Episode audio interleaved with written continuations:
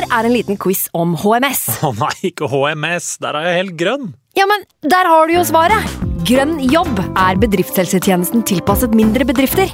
Våre HMS-eksperter hjelper mer enn 8000 bedrifter over hele Norge med alt fra lovpålagte HMS-krav til pålegg fra Arbeidstilsynet.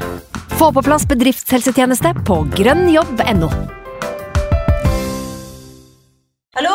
Jeg kommer fra Oslo politikammer. Ine Jansen er purk. Er du purk? The motherfucking bitch. Alt jeg vil, er å finne ut hva som skjedde med mannen min. Jon Carew. Er jeg sikta for noe? Iben Akeli. Det er du. Ole So, Lars Berrum og Big Daddy Karsten. Hvem sin side er du på, egentlig? Anette Hoff, Tone Danielsen, Kommer du fra Afrika? Jørnis Josef, Nesten. Kløfta. Trond Espen Seim, Det er synd å si det, men det var feil mann som døde. Purk. Premiere tirsdag på TV2 Play. I can't believe it. Football, bloody hell.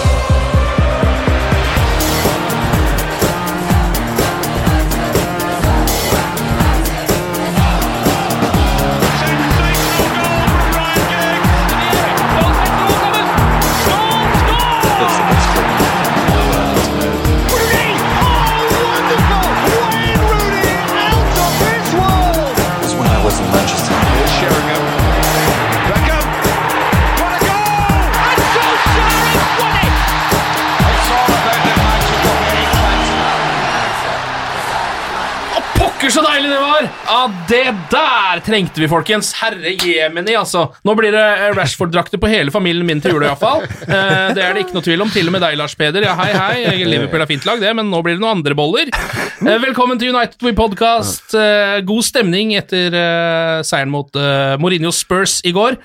Eh, I dag har jeg med meg Ali Sofri, Sofi, eh, journalist i NRK P3. Velkommen. Ja, takk for det. United NO-redaktør Dag Langerød, velkommen til deg også. Ho, ho. Ho, ho. Og ikke minst komiker Halvard Dyrnes, velkommen. Hei, hei! Oi, oi, oi, oi, oi. Nå, det, er deilig, det er deilig nå. Ja, det er det. I dag er det deilig. Eh, Så blir det sikkert en knalltøff tur rett i bakken på lørdag, men akkurat nå er det jævlig deilig. Ja, det er det, og det er litt sånn følelse som jeg nesten hadde glemt. Altså Når man har sett eh, de siste månedene med Manchester United, så har jeg jo liksom på en måte sakte, men sikkert blitt litt mindre glad i fotball uten at jeg vil det. Det er bare sånn Ja, det er kamp, ja, stemmer. Ah, ja, ja. Det blir, det blir fint, det, prøver jeg å si til meg sjæl. Og nå kommer jeg på hvorfor jeg elsker Manchester United, og hvorfor jeg elsker fotball. Så deilig det var. Eh, vi skal jo selvfølgelig snakke mest om Tottenham-kampen i dag, men eh, det har blitt spilt en annen kamp også siden sist vi hadde pod. Så det vil si at vi også må innom eh, Aston Villa på Old Trafford.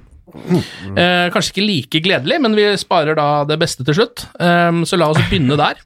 En kamp hvor eh, ja, Manchester United er altså så tamme i første omgang at jeg klarer nesten ikke å sette ord på det. Klarer du, Dag?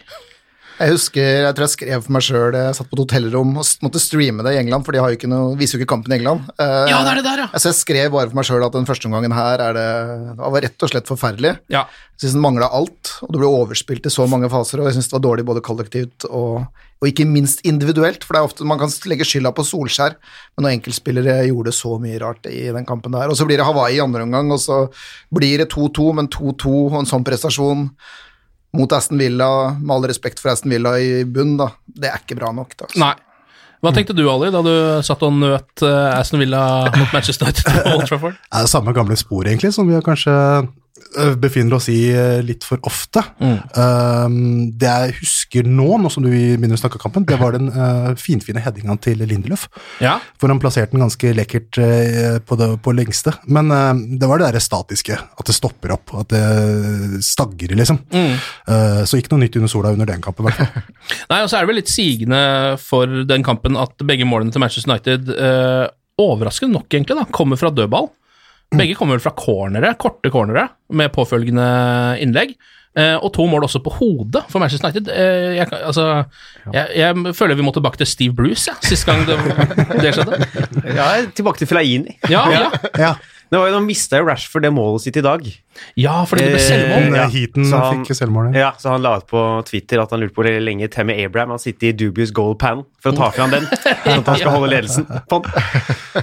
Det er jo deilig at det blir to hodemål, at man er litt på i boksen igjen, men det også kan jo tyde på at Aston Villa bare er veldig dårlig defensivt på dødball. United hadde litt Ja. tur, fordi vi så jo ikke eh, Det var jo ikke noe bevegelse inn mot mål som vanlig i den kampen der, og det var jo så tamt. Mm. og sånn det er som om de går ut på og bare ikke har en plan da, som har vært nevnt så mange ganger i angrep uh, gangen denne sesongen her, og de får til to innlegg på bakre, men det er liksom det er det, da. Ja. Men vi taper jo veldig mye igjen på mangelen av Scott McTominay, og det kommer vi jo tilbake sikkert når vi skal snakke om det gøye etterpå, altså betydningen av han, da. Eh, vi mangla han, og så var det jo åpenbart at man Martial sleit med et eller annet, for han var jo ikke i nærheten av noe, syns jeg, i den kampen der, mm. dessverre. Og så har du da andre spillere som ligger litt under paret, og uten at jeg skal gidde å Jeg orker ikke å gå inn på noen av de navnene der. Vi har snakka om dem nok ganger. snakka om de ganske mye, og så vil jeg egentlig bare inn på det gøye. Men det, er, det var et par ting som åpenbart ikke var på stell, da. Og vi har lidd, spesielt under Scott McTominay, for det blir helt andre rammebetingelser også for Fred, da.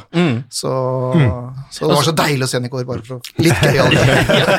Og så er det jo eh, Brandon Williams som starter på venstrebekk istedenfor Luke Shaw i den kampen. Er det overraskende?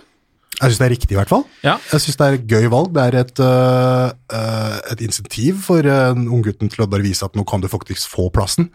Og Solskjær holder litt uh, Altså, han holder det han sier. Han skal gi de unge uh, sjansen. Han er kanskje litt sånn hot-headed til tider, men øh, ni av ti ganger foretrekker jeg Williams foran Shaw nå, så merker jeg. Ja. Fordi jeg får uh, stor, jeg stor tillit til den unggutten allerede. Mm. Uh, Jeg vet ikke om det er uh, Det er vel det at han spiller så bra fotball, da. Ja, det må jo være med det. Hva tenker dere andre? Er, det, eh, er liksom Luke Shaw allerede Har han allerede begynt å miste plassen sin, eller? Ja, i hvert fall når det- med tanke på Tottenham-kampen og Young fikk komme inn. Når Ja. Solskjær, fordi Brann Williams gjorde jo to feil eh, som Ja. var, fikk ganske stor betydning i den Villa-kampen. Blir tatt ut, og da kommer Young inn. Mm. Det tyder jo ikke på at Luke Shaw har spesielt eh, god status når det kommer til venstrevekkplassen akkurat nå. Nei? Nei.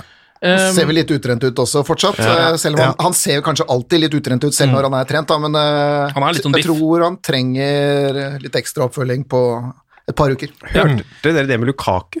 Og utrentheten at eh, når han kom til Inter, hvorfor han plutselig ble sånn i form. Og et rykte jeg hørte det var Football Weekly som nevnte at eh, de hadde funnet et eller annet magevirus hos han, Ja. som ødela fordøyelsen hans. Yes. Som United Nei. bare har brukt to Ja. år ikke klart å finne. Og så kommer han til eh, Milan, og så Ja, så er det sånn, dette, dette fikser vi, bare ta en kur, du. Så raser du ned i vekt og blir god. Så er mulig, Sender Shaun på tre, måneder, tre ukers lån til Inter, få ham tilbake, toppform. Helse og preventive skader er ikke Ja. United veldig gode på, altså. Det er jo helt merkelig å høre, faktisk. Mm. Ja. Um, jeg har litt lyst til å gi litt kudos til en fyr som aldri får det om dagen, nemlig Andreas Pereira, for, bare for det ene innlegget hans eh, til Rashford. Eh, fordi det er et sånn toppklasseinnlegg. Det er et sånn Trent Alexander Arnold-innlegg, på en måte. Mm. Noe som United har mangla i mange år, eh, en sånn type fot. Og nå har han fått det til én av 45 ganger, så ikke for mye kudos. Men der traff han, og det skal han ha skryt jeg. Ja, han maksa ut potensialet sitt der, Ja, akkurat på, det- på, det, på det innlegget der. i det innlegget. Eh, til tider så skulle man tro at uh, han får en plass på laget fordi han har et brasiliansk pass. Mm. uh, og jeg hadde veldig troa på han for noen år siden, men det går, han mister ball altfor ofte. Ja. Det er ikke godt nok, dessverre. Nei. Jeg tror jeg liker han, men han er ikke god nok for laget, dessverre. Nei. Eh, er det noen som er uenig i det? Nei, han, han minner litt om Charlie Adam. Han har en god fot, Ja. og så skal han opp Bare på toppen. Bare trent og kjekk isteden. Ja, ja. Ja, altså, det er det. Charlie Adam var jo på en måte En spiller som så ut som han var på utdrikningslag hver gang han var på banen. Ja, ja. men, Altså, eh, vi- ikke, ikke utseendemessig, men at han har en veldig god fot som kan slå noen frispark og noen innlegg, Ja. men holder ikke tempo når han skal opp på øverste nivået. Altså Det går jo på det evinnelige spørsmålet om Uniteds mangel på en tier. da, Mm. ikke sant? Så Hvem er det som skal ta den rollen der? Ja, det skal vi snakke litt mer om, for det er veldig mange som er opptatt av akkurat det. Ehm, så vi skal ta det litt etter hvert. Men kan jeg få eh, til å nevne én ting, bare? da? Ja. For jeg er sånn eh, Vi var jo nesten inne på den der eh, Pereira-greia her, sånn, men sånn som Det er jo til og med i går, da, når vi gjør en ganske bra kamp, som vi skal snakke mer om etterpå, eh, så klarer jeg å se ganske mye i sosiale medier etter kampen hvordan folk likevel etter en sånn kamp presterer og bruker mye tid på at Pereira hadde et ræva innhopp eller sånne ting. da. Og jeg, for meg så vipper det da over så mye motsatt vei. At da skal jeg beskytte han. da. Altså Det blir litt sånn som med Paul Pogba, som veldig mange mener nå at nei, jeg trenger ikke å komme tilbake eller dra og litt sånne ting. og da ja, men det er jo bare piss. ja, ja, for på jeg, da, jeg likte ikke når han sa det han gjorde i sommer, og det greiene der, men poenget, da vipper det motsatt vei på meg. Da skal jeg jammen meg beskytte han, og litt sånn er det med Johnny Evans og masse andre spillere underveis. da. Altså Det er grenser for hvor mye skit en spiller skal tåle. Ja. Og sånn som i går, når fokus blir Andreas Pereira, og det er masse folk på Facebook og ulike Facebook-grupper som jeg har sett som jeg er en del av, og jeg tror alle dere også er en del av. Du klar, kan ikke ha fokus på Andreas Pereira etter den kampen vi har i går, det mener jeg da. Da er det så utrolig feil fokus. Ja. Hvis du bare er nødt til å skrive skrive hvor dårlig han er på det innhoppet, Mm. eh, da mener jeg, jeg mener det er helt feilbedømt, da. Altså på en måte Tenk deg gjennom to ganger liksom, før du da sprer den driten din. Da. Mm. Jeg, for, for meg, i hvert fall i den rollen jeg også har, så føler jeg liksom at øh, Hvorfor skal vi alltid finne liksom én ting vi bare må ta? Og nå er det så åpenbart at Pereira kunne sikkert gjort Hvis Pereira hadde gjort en Brandon Williams-prestasjon, da, så ville han blitt tatt så utrolig mye hardere at det er rett og slett folk ser ikke eventuelt et par gode ting. Nei. De ser nesten ikke at det er han som slår pasningen mot Aston Villa, som Mm. du akkurat ga han kred for, for, men de legger merke til hver eneste andre ting som ikke funker, da. Mm. Og det syns jeg er øh, Personlig så syns jeg det er bare sånn faen. Ja. Ja. Ja, det går jo sport kan, i det. Det ja, ja, sport i det ja, tider, altså, og det kan jeg forstå, men jeg, men jeg klarer også å se det ganske enkelt fra en supporterside, at det er liksom eh, akkumulert såpass mange dårlige prestasjoner at han har ikke noe å gå på lenger, da. Eh, Så da er det vel nesten sånn at man ikke ser det positive og bare ser det negative, som du sier, eh, Ja, Dag. Fordi det er det man har hengt seg opp i. Men jeg tror ikke det er hans skyld som gjør at vi Det er ikke bare, det er ikke bare hans skyld for at vi ligger på denne åttende-niendeplassen vi gjorde Nei. før den kampen i går, da. Nei, absolutt ikke. Så Eh, Sorry, jeg måtte bare liksom Men det er fint, det. det, er fint, det. Ja, men det, er, det er uting, da. Det, er, det går jo sport i å, i å være kjip mot folk. Så det, Ja, og så får man jo.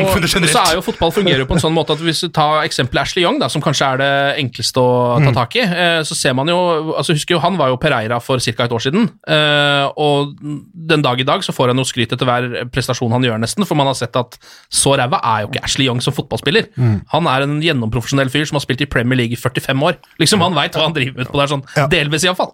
Altså, så blir jeg litt sånn Jeg blir så kjedelig 46-åring, da, for det er, bare sånn, det er så åpenbart at det er lett å kritisere han. Det kan du bare gjøre så mye du vil. Men kritisere han i så fall med en måte at eh, i dag så så vi kanskje igjen at han ikke er god nok, og det er åpenbart kanskje at Lingard heller ikke er den riktige mannen. Så blir det Ja. spennende å se hva vi gjør nå når vi kan hente inn en tier senest neste sommer. da. Mm. En ny person til den rollen. Da kan vi håpe på at det blir mye bedre, istedenfor bare liksom Jævlig ræva Pereira! Fy Mm. faen, Ole Gunnar Solskjær! Altså, det, folk tar så av, da Mm. etter en 2-1-seier mot Tottenham, hvor vi vinner så soleklart fortjent, Ja. og det var så digg. Og han spilte hvor mye? 20 minutter, eller noe sånt? Ja, ja noe sånt. Ja, noe sånt. Eh, det er jo også eh, Villakampen er jo en, eh, nok et eksempel på Manchester United, i hvert fall fram til nå, har slitt veldig med å liksom Altså, de leder jo nesten alle kampene sine. Det gjør de jo merkelig nok i denne matchen, og klarer jo å snu den, selv om det nesten på, eller sånn, ikke nesten ikke direkte fortjent engang, så klarer de jo det. Men så uh, går det jo Hvor mange minutter er det? Det går to minutter fra Lindeløf da har snudd kampen, satte på 2-1, til de slipper inn et mål fra Tyron Wings, liksom. Som ingen trodde var mål. Ikke engang Tyron Mings. Alle trodde det var offside. Ja, det så så utrolig offside ut, men det var jo ikke det. Ja, Der gikk det kanskje litt på uerfarenheten til Williams, Ja. da, som egentlig oppheva den offsiden. Så du ikke det på en eller annen reprise, at jeg tror Brandon Williams var den eneste som skjønte at dette her kom til å Ja. bli mål? eller? Ja, Jeg tror han innså, sine, innså at han gjorde noe feil. Ja, Uh, men det, altså, det der er jo um, kanskje noe som hører med en, på en måte et slags generasjonsskifte, eller å spille med såpass urutinert lag. Mm. At da skjer sånne ting. Det er vel noe man må, håper at må være bedre om eh, ja, helst så kort tid som mulig, men liksom neste sesong, da. De virker litt redde når de leder mot Ja, slutten ja, av kamper. Og altså, jeg merker til, Ofte når de scorer nå, så har de fått en ting som egentlig er veldig fint. De samler seg i gruppe, og så står McTominay og skriker til de andre. Ja, det er. Ja, ja, og sier sånn, nå skal vi Veldig ofte når de gjør det, så mister de konsentrasjonen i fem minutter perioder etterpå. Ja. Det er sånn de sånn Å ja, nå skal vi samle oss, og så er det sånn Faen, jeg er redd for å samle meg. At de, frykten kicker inn. Lagets sinteste mann. Ja, ja. Kanskje de ikke skjønner hva han sier på skotsk? Ja, kanskje, de sånn ja. bruker et par minutter på å fordøye hele Ja, så- sånn som burde det funka med Aston Villa, at ikke han tok den talen. Men, eh, Ja, det er merkelig det der, altså. Men uh, kampen ender da til slutt eh, 2-2. Egentlig på en måte et greit resultat, kan man jo si, fordi Villa fortjente vel poeng i den matchen, uh, dessverre, sånn som United spiller. Eh, men United kunne også lett ha vunnet den, siden de leder og tar igjen eh, og spiller hjemme, da. Så jeg tenker liksom 2-2. Greit nok, irriterende resultat, selvfølgelig, men ok. Eh, skal vi gi ut noen poeng til Uniteds tre beste spillere? Jeg mener James hadde en grei kamp. Ja, han løp mye. Han løp mye, hadde et par skudd, hadde noen ålreite forsøk på innlegg. Ingen i boks. Ja, ikke sant. Det var vel det det gikk i. Jeg var to ganger mot slutten hvor det var Rashford og Greenwood som holdt litt igjen og ikke spurta fram. Ja. Uh, men ellers så Det er så vanskelig å se bak der. Ja. Bak eh, Jeg kan også være enig og så tok en titt innom et par sånne børser før jeg kom inn, for jeg også hadde glemt litt den uh, Ja. Aston Villa-kampen. Der er det topp på James, og så er det omtrent likt på alle andre, unntatt Brandon Williams og var det en til som havna litt under. Ja, ikke sant? Ja, for det er, jo, det er jo ikke noe tvil om hvem som er banens beste i den kampen. Det er jo Jack Grealish. ja, og han spiller jo ikke for Manchester United, så han skal vi ikke snakke så veldig mye mer om. Bortsett fra kjøp han, prøv å hente han. Han er veldig god. Stygt mål. Ja, et, et vilt mål. Ja, Det er flaks. Prøvde på innlegg. Men uh, hva tenker dere da? James har kommet opp her. Er det noen andre forslag? Støtter, eh, støtter Daniel James, og så kan bordet ta toerne og eneren. Ja, Hva med det- Lindeløf, da? Lindeløf skårte jo et Ja, fint mål. Lindeløf skårte jo for en gangs skyld, så det er jo bra. Iceman. Det er Iceman. Så tre poeng til James, da i hvert fall virker som alle er enig. Gjorde Van Bissaka noe feil, da?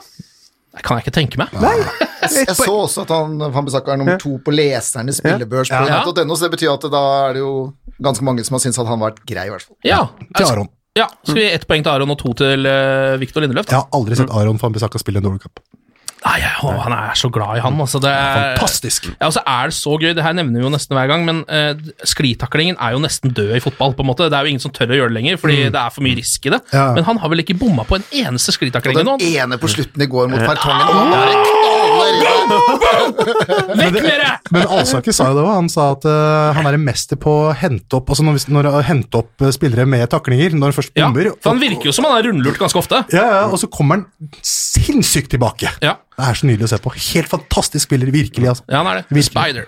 Eh, ok, da går vi videre til uh, det som vi gleder oss til å snakke om, da. Uh, det var en kamp mot Tottenham Hotspur i går på Old Trafford. José Mourinho uh, kommer glisende ut. Han gir vel noe vin til Solskjær eller noe sånt på forhånd der, tror jeg. En eller annen champagneflaske eller noe sånt noe. Hæ? Ja, det så jeg ikke. Var det ikke et sånn lite klipp hvor de var et eller annet sted og han mottok en flaske med Jeg vet ikke om det var gamle bilder, eller om det var noe som skjedde før matchen. det var Eh, litt sånn hersketeknikkaktig, liksom? eller? jeg vet ikke, eller om det er noe han har eh, lært av sir Alex Ferguson, som pleide jo å gjøre det, men veldig ofte etter kampen. Jeg så Solskjær uh, sånn, klappe han på hodet etter kampen, så det er kanskje han liksom tok igjen da. Ja, eh, vi har jo faktisk eh, Det eh, kan vi jo nesten bare ta med en gang, siden du nevnte det. Så um, la vi det bildet ut på, på Instagrammen vår, eh, United We Podcast på Instagram, hvor eh, Ole Gunnar da klapper José Mourinho på hodet som om han er et lite barn. Noe av det mest nedverdigende man kan gjøre etter å ha blitt knust på en fotballbane, på en måte. Og eh, stjålet, jobben fra noen, i tillegg. Um, vi lovte da å kåre det beste, den beste bildeteksten. For folk har kommet med forslag, eh. United-supporterne. Og det er Nils Marius Granhus, mener jeg, som stikker av med seieren. Han skriver da Så, så, Josie, du kan få Matic i januar. Ja, er fin den. Og det er ikke den. helt uh, utenkelig det skjer. Men det å ta på hverandre på hodet var noe som uh, poengterte det at Pep og Mourinho har gjort det her en årrekke. Så husker jeg Mourinho en gang, uh, da skulle møte Barca, jeg husker ikke hvilket lag han trente, så slappa han Pyol kjempehardt i fjeset. Så dere, dere tap på fjes og hode er kanskje en sånn en latin greie, da. Ja. Som kanskje Solskjær prøver å adoptere på et eller annet vis. Ja, og jeg tror, jeg tror på en måte det er litt sånn at Hvis begge tar hverandre på hodet, så er det litt sånn show of respect. Men når den ene klapper den andre på hodet, mens han snur seg litt sånn motvillig og bare fuck, så tror jeg, så tror jeg ikke det er det. Men la oss snakke om selve matchen. da. Vi kan jo snakke om eh, United-laget. Greenwood starter jo. Eh, kanskje liksom det mest spennende der. Det er jo fordi Martial da er ute med en liten skade. Eh, og så er McTominay tilbake på midtbanen. Og det er vel egentlig liksom de to viktige tingene i lagoppstillinga. Eh, og hvor viktig er Scott McTominay i den kampen her, Dag? Han eh, Hva skal jeg si? Nå stoppa jeg nesten helt opp her. Eh, Altså, det har vært så dårlig når han har vært ute, og vi, har om, vi kan snakke om den Aston Villa-kampen som vi akkurat har gjort nå, litt, at det har vært en grunn, tror jeg, til at det har vært så dårlig i to kamper nå mot Sheffield United og Aston Villa, og det er jo at vi rett og slett har mangla kvalitet i motorrommet. Ja. Ingenting har klart å bli bindet sammen, og det blir veldig synlig i en kamp som den i går, hvor det på en måte plutselig bare funker. da. For vi, vi kjører over midtbanen til Tottenham, og det er en ganske bra midtbane i seg selv. Og Hvis du da begynner å legge til at vi stoppa sånn, vi tok Kane ut av kampen første halvtimen altså Vi skulle 35 minutter, vi skulle leda to- vi skulle leda 2-0, jeg Ja. tror Solskjær snakka om 3-0 eller sånn. Vi skulle i hvert fall hatt flere, flere mål da, enn det vi hadde, og så blir det 1-1 likevel, så kommer vi tilbake, og vi spiller jo Selv om det blir nervøst og alt det greiene der på slutten, så er så superfortjent uh, den seieren der. Så Scott McTominay er, følte jeg som var nøkkelen, da. Og jeg må bare si igjen, jeg hadde ikke noe tro på han jeg, for tre år siden. Ikke og jeg, og jeg, når jeg så han på det der rekruttlaget, jeg så ikke noe annet enn en League One-spiller når han var en sånn jeg tror han var nesten sånn hengende spiss. De hadde ikke noen spisser, så han bare spilte oppå der. Det var ingenting i den kroppen som jeg så og tenkte var Premier League. Så jeg er bare så fascinert da, over at han har blitt den fyren han er. Solskjær snakka om leder, den fysikken og, Men han, han har jo en pasningsfot, og han har på en måte og når du setter han inn på laget, så syr han det bare sammen. da. Og så kan det, er det sikkert Det er jo Tottenham og en, kanskje lettere å motivere seg kanskje på en eller annen Det er liksom sånne ting som slår inn, da, men du må nesten gi Scott McDominay enorm ære for at de ser ut sånn i en sånn kamp når han kommer inn, når vi også vet hvordan vi har sett ut de to andre kampene før. Jeg er helt enig. Scott McTominay han skaper trygghet bak i firer. Han gir trygghet eh, og eh, eh, rom til Fred. Der han er alfa og omega, egentlig. Uten han så rakner åpenbart laget her. Mm. Han skal ha masse masse skryt, og var kanskje egentlig banens beste i går etter Fred. og Ja, ja. Marcus Og Rashford, ja, som jo var ute av denne verden i går. Så han gir jo en tilstedeværelse på midten. Mm. Sånn, han er, det er sånn tydelig at der er det en spiller som står i veien når du skal angripe, og det er jo sånn Jeg syns Fred er bedre enn sitt rykte til mange tider, andre ganger ikke, men han er jo best med ball, og ikke når han må liksom være en som står opp. Det er jo ingen andre som er der, så han kommer inn. Så er det sånn, jeg tror motstanderne også de ser at det er folk på den midtbanen Mm. som dekker rom, og som er til stede til at han er god. da. Og det går jo også på dere, eh, søken etter lederskikkelser da, i laget. Og han kan definitivt seile opp som kaptein om han fortsetter Absolutt. i denne stimen her. Han har jo en klasse som kapteinsspillestil. Mm. Han spiller jo med en sånn uh, helt eh, vidunderlig kombinasjon av kraft og ro, som jo er kanskje det vanskeligste i fotball, tror jeg, som en midtbanespiller å ha det. da.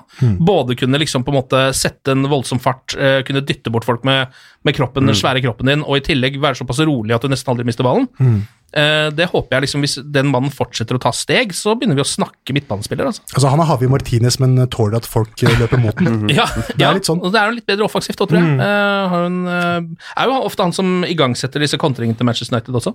Og Solskjær sa etter kampen at det er første gangen i år han hadde pusha en spiller på å få han tilbake. Mm. Altså, til, og så til slutt så er jo Scott McTominay en sånn fyr som sier at vet du hva, jeg vil spille.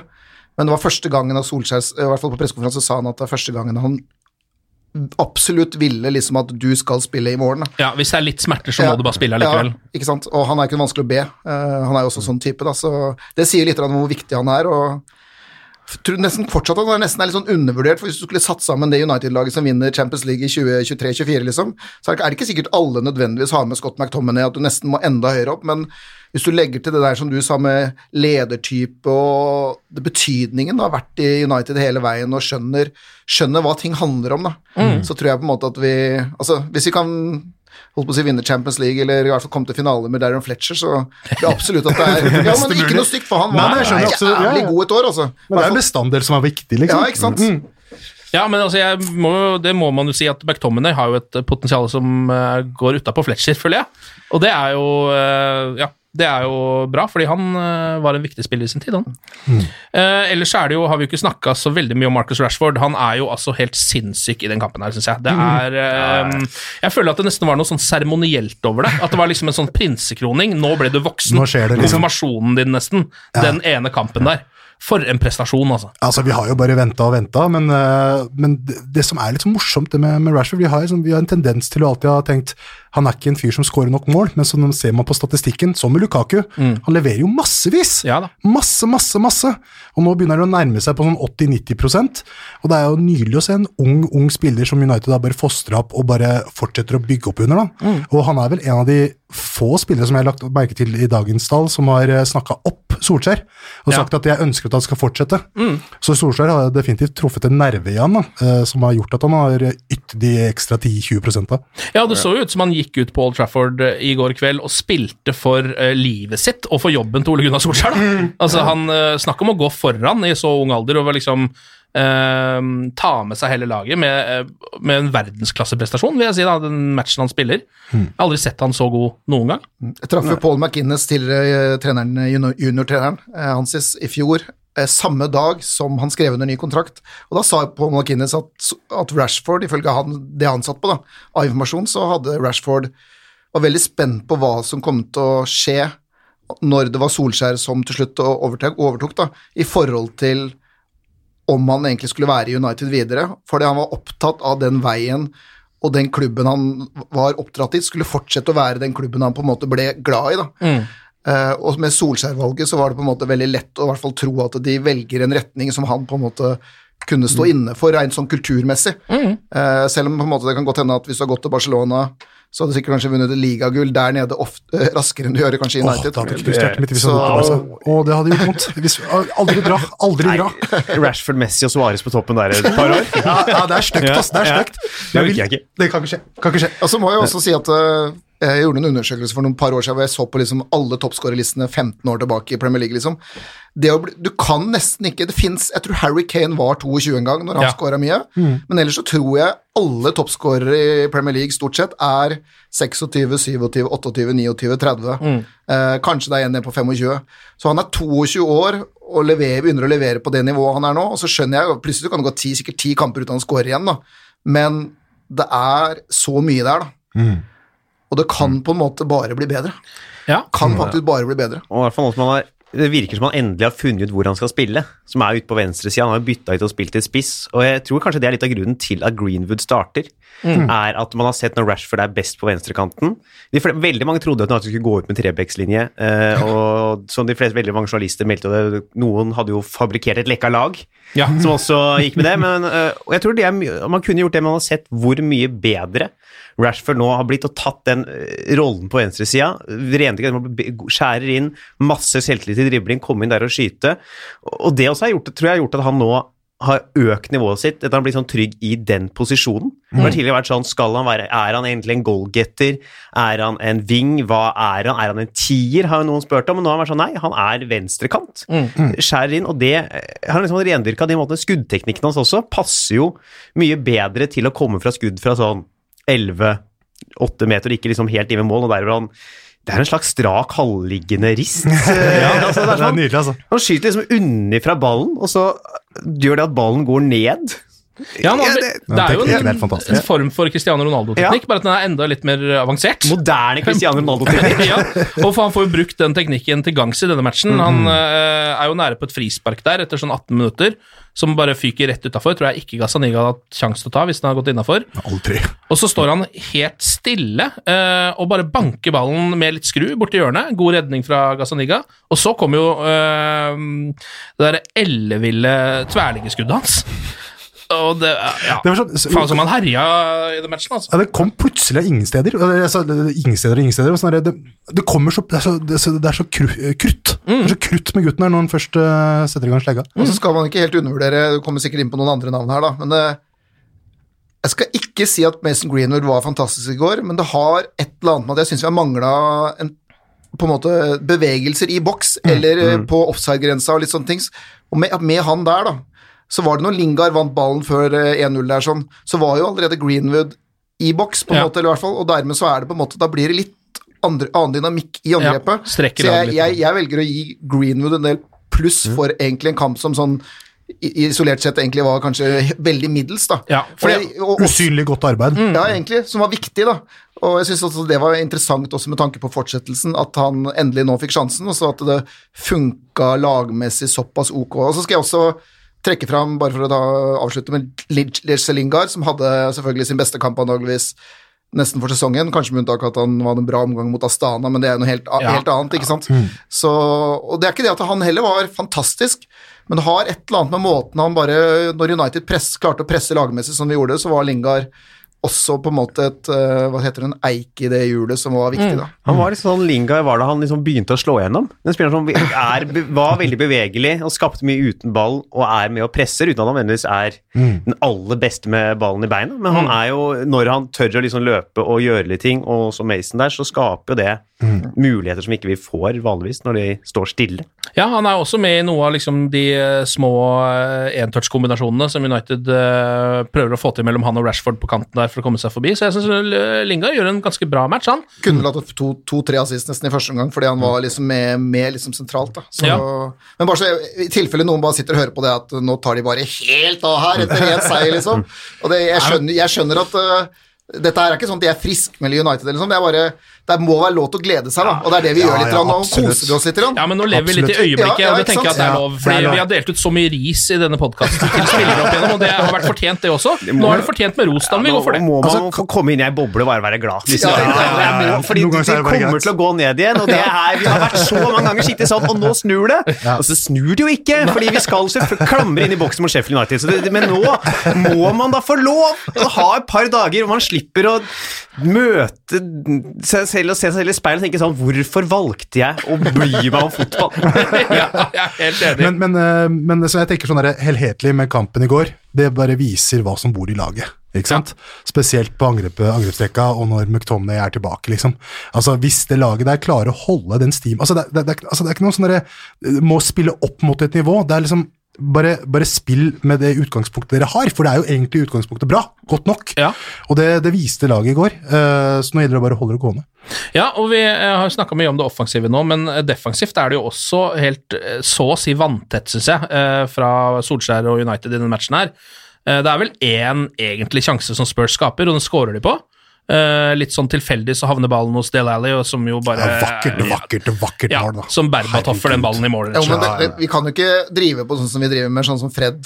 Og så tenker vi tilbake til Bournemouth, Maron van Bissaka som ble vippa bort av Joshua King. Altså Ja. Det er andre gangen. Ja. Jeg kan ikke huske å ha sett at andre Ja, lag har fått det. sånne baklengsmål. To ganger på femmeteren Ja. så velger vi å liksom ikke forsvare oss. Altså vi går inn og nesten på feil mann og blir altså, er Det er fullstendig amatørmessig. Ja, ja. Men altså, jeg tar ikke noe bort altså, Sånn kan skje, da, og det var fantastisk av Del Ali, men altså, det må de bare Det kan ikke skje flere ganger enn to. to. Nei, de taper veldig mye av de der én-mot-én-duellene i egen femmeter, rett og slett. Eh, la ballen sprette inni der, og ja. Er det en slags del av en trend med midtstopperen til United at de er litt dårlige på å ta ut sikring?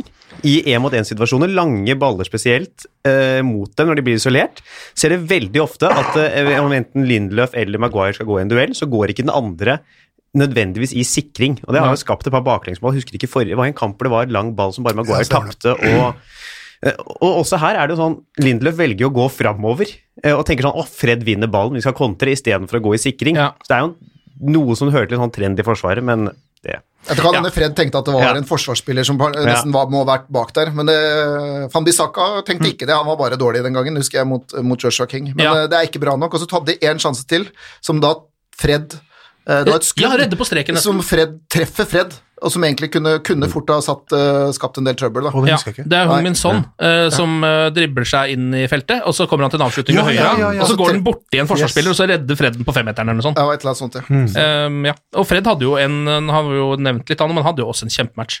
Gjør noen sånne små eh, småfeil, mister litt ball, men kommer seg også ut av situasjoner med ball som nesten skal, ikke skal være mulig. Ja, prøvde på de lekreste gjennombruddspasninger og traff ofte. Ja. Prøvde på mye, og mye gikk inn, da. Ja. Eh, og så er jo sånn midten av sesongen nå, så, så begynte man å snakke om sånn derre Ja, hvor, hvor hadde Fred vært hvis Pep hadde trent han, eller hvis Klopp hadde trent Ja, ja. han, ikke sant? Det, det kjøret der. Men igjen, da går jeg tilbake til det vi snakka om. Altså, det, er, det bor mye fotball i de gutta her. Ikke sant? Vi må bare få det ut, Mm. rett og slett. Ja, Nå virker det som, ja, sorry i dag, men at Fred kanskje har eh, altså funnet varmen, da. Spilt seg inn på det laget og er trygg, på en måte. Spiller bra. Men Tottenham eh, var ikke spesielt gode i går, uh, syns jeg. Eh, men det skal også sies at vi møter et Tottenham-lag som har skåra Hva er? Skåra fire, tre og tre med Mourinho så langt på de tre kampene. da. Mm. og vi har ikke sett bra ut forsvarsmessig eh, mot Sheffield United og, og Aston Villa. Men i går så syns jeg vi var tilbake til sånn som jeg syns Tidlig i sesongen så var det veldig bra forsvarsspill i store perioder, og så glapp det liksom i en sånn små periode mot Wolverhampton, og det skjedde den der du nevnte Lindre ja. for Maguire som ikke tok ut sikring mot Crystal Palace, og så klarte vi klarte å rote det til for oss selv. Men i går syns jeg vi var tilbake på en måte mot vårt beste igjen, da, etter å ha vært, eh, sett veldig rufsete ut. Og da går jeg liksom tilbake til McTominay, da, som plutselig gjør at Fred kanskje blir bedre, og alt sammen bare henger sammen bedre. Og Derfor er det så spennende å tenke Tenk et år fram, da! Ja. Ja. Tenk, altså jeg, glem, jeg orker ikke å tenke på januar og spillekjøp, for jeg tror det er Ja, dritvanskelig. van- Men til sommeren, tenk på om dette laget her klarer å få tre eller til og med fire nye forsterkninger, og så tre av de kanskje funker, da. Eh, da kan du begynne å se litt fugl, altså. Så selv med Ole Gunnar Solskjær, som er så omdiskutert. Altså Spurs var eh, overraskende passive, det skal Ja. sies. altså. Det var, jeg visste ikke helt hva som foregikk der, ja. Eh, men Nei, men I starten så, så det ut som de bare ble spilt ganske lave og passive av United, da, for United går jo ut i 100 her, liksom. Ja, de var jo Eh, knallgode, men det var men de liksom kom seg aldri opp på nivå kan- heller. Nei, det var veldig spesielt å, å, å se liksom de knallspillerne som de hadde. De var helt usynlige. Jeg så jo ikke Son før den ene situasjonen som du nevner nå. Og det er ganske spesielt for å Kane lå jo som Jan Mølby inne i midtsirkelen. det var jo veldig Ja, så, Det var slett. så, det skal, så det skal nevnes. Det var ikke det sterkeste motstanden det første omgangen, i hvert fall. Nei, det, nei, det var det ikke, og- og det Tottenham-laget her er jo vanskelig å si hvor gode de er. Altså, De var nettopp i Champions League-finalen, men de har også hatt en veldig dårlig start på sesongen. Mm. Så vanskelig å si liksom hvor prestasjonen var, men hvis man bare isolerer det og ser på det United gjør i matchen, da, så føler jeg at du kunne spilt mot liksom så å si hvem som helst, kanskje bortsett fra noen av de aller beste lagene i verden i sin beste form, og kommet unna med seier i den matchen her. Mm.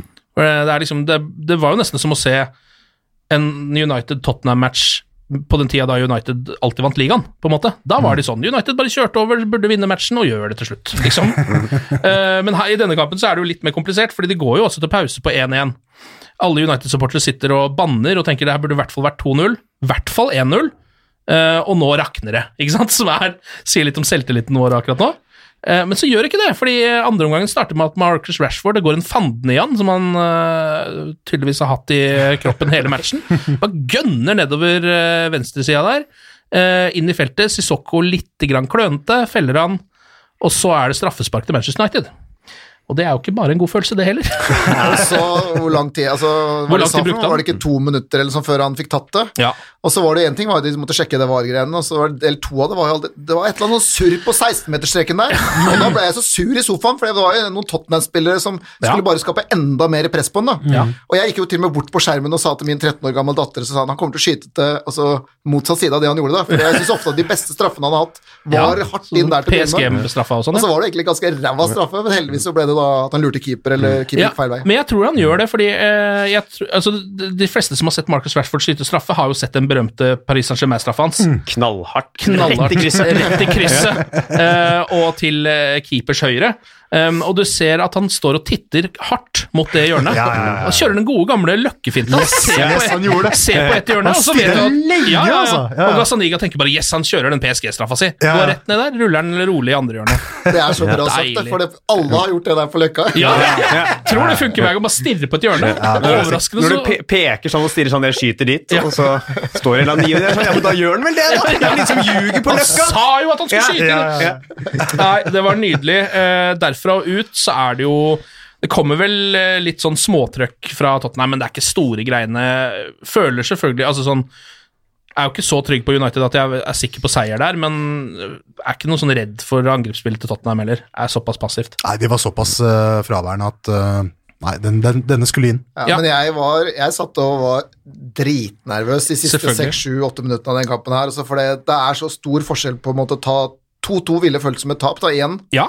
Mens 2-1 er liksom ja, altså, alle, altså alle har sovet godt i natt, da. Og Ja. alle har bare gleda seg til å komme hit i dag, Ken. Ikke Ja. sant? og det er jo det der som, eh, når vi har, de United-kampene vi har sett, så er det jo akkurat det der som pleier å skje, at de eh, kanskje fortjener en seier og leder matchen, men så kommer det jo nesten alltid en redusering, ikke sant? Men de var, de var ekstra gode i går, altså. Det skal sies Ja. United var ekstra bra i går. Det var derfor jeg kanskje ikke ble så nervøs som Dag ble. da. Ja, De er jo også oppe og burde kanskje lagt på til tre igjen i andre omgangen der også. Eh, James har et par avslutninger, ikke sånn sylskarpe, men de liksom eh, truer jo fortsatt Tottenham sitt mål mer enn de truer Uniteds. da Luke Shaw var jo involvert i to stykker der. Det ene som ble vel offside til slutt, da, men det, Ja, det var utrolig dårlig pasning inn til Rashford, forresten. Ja. Mens den andre så var det Luke Shaw som også fant Rashford i bakrom, og så klarte han å bruke for lang tid, dårlig touch og sånn. Ja. Så, det, så Luke Shaw, han, han har jo noe i seg. Ja, Men skal vi ikke snakke om altså, at uh, Mourinhos eh, kalde, kalde hjerte når eh, hodet til James bare dunker inn i kneet hans, og han bare 'Nei, jeg har ikke tid til deg, jeg! Bare ta meg nei, litt på det- kne!' Det der var jo en merkelig situasjon. Ja, det Eh, det er vel. Wings som takler James. Ja. Ja. Tror jeg Først så får jo Wings et gult kort til slutt også. Eh, og så flyr James da hodet først inn i leggen på Mourinho. Kne? Uh, I kneet, ja. Ja. Og takler rett og slett José Mourinho, så han uh, har vondt i beinet. og James blir liggende og har vondt i hodet. Og jeg sitter og tenker sånn fankeren er det som skjer nå? Det her må være den rareste skaden noen gang. Altså En spiller som blir skada av eks-manageren sin på sidelinja, det er ikke vanlig. Nei, eh, det er veldig, han lå jo nede ganske lenge òg. Ja, jeg tror- jeg tror han ble bevisstløs, Ja, og så er det ikke så lenge siden han var vel, fikk vel en hodeskade mot eh, fått for Wales i år, altså. ja. i landslagspausen, så jeg tenkte sånn, er det en eh, hjernerystelse ingen oppdaga som ble slått opp igjen? Ja. Er det noe som skjer her? Eh, Og er Mourinho Var det, med vilje? Det var det selvfølgelig ikke. Men eh, det hadde jo også vært gøy om Mourinho måtte ut eh, og sett her hvor de bærte på båre hvis James hadde truffet litt hardere der. Ja, det... Kneet til Mourinho røyk, og se Mourinho bli båret ut bort hos Strafford den der. og... Ja, tenk om bare beina hans hadde Ja. røket. Altså, han ble liksom brukket bein. Ja, to på på Trafford, og så liksom sett rett på sykehuset i første omgang. Nei, det var merkelige greier. eh. Ja, veldig spesielt, altså. Ja, det var veldig rart å se på. Eh, men det er jo James han får mye trøkker, altså. Er det, er sånn, jeg begynner å bli litt redd for at han eh, kommer til å få seg en skade. Han er liksom for eksplosiv i stilen sin. Det er et godt tegn, det der. da. At det, Ja. at det er så mange som det er ute etter. Det betyr at han er ganske god, og for Ja. frykter han, liksom. Ja. Vi, vi skal ha et sånt som spiller på laget. hvor, Så viker han eh, ikke. Hæ? Han viker heller ikke. Han viker heller ikke, ikke sant? så han, er jo, han har jo både hjerte og teknikk, liksom. Mm. Uh, nei, det, godt tegn. Godt tegn at spillere vil eh, kappe han ned. Ja. Ja, og så driver han ikke og sutrer i etterkant. Aldri. Det er ikke sånn Neymar holder på, som blir, også blir felt mye, men skal jo sutre og klage over det lenge. Det er, han blir jo skadet, faller jo, eh, mange sier lett, men det kan jo også være for å forhindre å bli skada. Han veier jo 46 kilo, da, så det er ikke så rart. Nei, men også, liksom- hvis, men også, hvis du ser en takling komme inn, så bør du jo ofte bare hoppe unna Ja. eller legge deg for å slippe å få mm. det ja. kakket på ankelen. Så det er jo også en konsekvens av at mange tror han detter litt lett. At han blir takla så mye. Jeg har aldri vært rask. Eh, du, du er tynnere enn meg, så kanskje du har vært rask i Nei, jeg har aldri vært kjapp! Aldri vært kjapp! Og hvis du er kjapp, så ser jeg liksom for meg at det skal kanskje ikke så veldig mye til før du faktisk går, mister balanse og går i bakken. da. Nei, det skal jo ikke det. Så Det er jo bare en liten push hvis man er i ordentlig fart. Eh, og så kan du også gå, jeg vet ikke om dere så det, litt, eh, litt sidespor, men hvis man har eh, litt for mye fart og litt for mye kraft i kroppen, så er ikke det helt bra heller. For du så han Alan uh, Saint-Maximin, så Ja. han Newcastle-spilleren, en nydelig spiller, Ja. som eh, dro forbi keeper, eh, fikk seg en liten takling, og så lander han på sin egen rygg, og den er så kraftig at han spretter liksom to meter opp igjen, og lander etter det, og da blir han skada. Han er helt kung fu der, altså. Ja, han bare spratt opp Ja, ja, igjen som en sånn ja, ja. stift. Ja, det, er uh, Det er så sånn som Fifa 12 skjedde Ja. tidlig der når de akkurat hadde fått den nye fysikkmotoren sin. ja, Sånn som en bug, rett og slett. Eh, og så eh, er det jo intense siste minutter. Uh, alle holder på å pisse på seg av de som sitter med rød drakt. Det går veien. Eh, Manchester United slår Spurs. Eh, Ole Gunnar Solskjær slår eh, José Mourinho, og publikum synger olé olé på tribunen. Ole Gunnar klapper Mourinho på hodet, og kampen er ferdig.